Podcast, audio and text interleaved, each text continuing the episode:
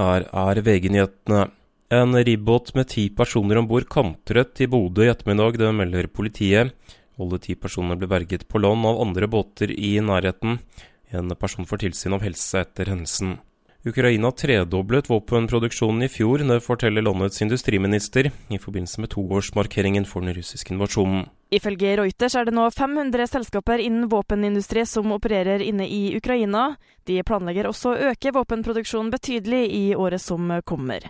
Samtidig sier forsvarssjefen at 50% av våpen fra vestlige allierte ikke kom fram til avtalt tid i fjor. Reporter Miriam Alsvik.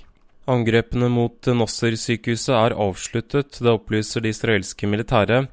Det har pågått kamper ved Nasser-sykehuset i flere uker, og den siste uken har sykehuset vært ute av drift. Minst 86 palestinere skal ha blitt drept på Gazastripen det siste døgnet. Totalt skal nærmere 29 700 være drept siden krigen brøt ut.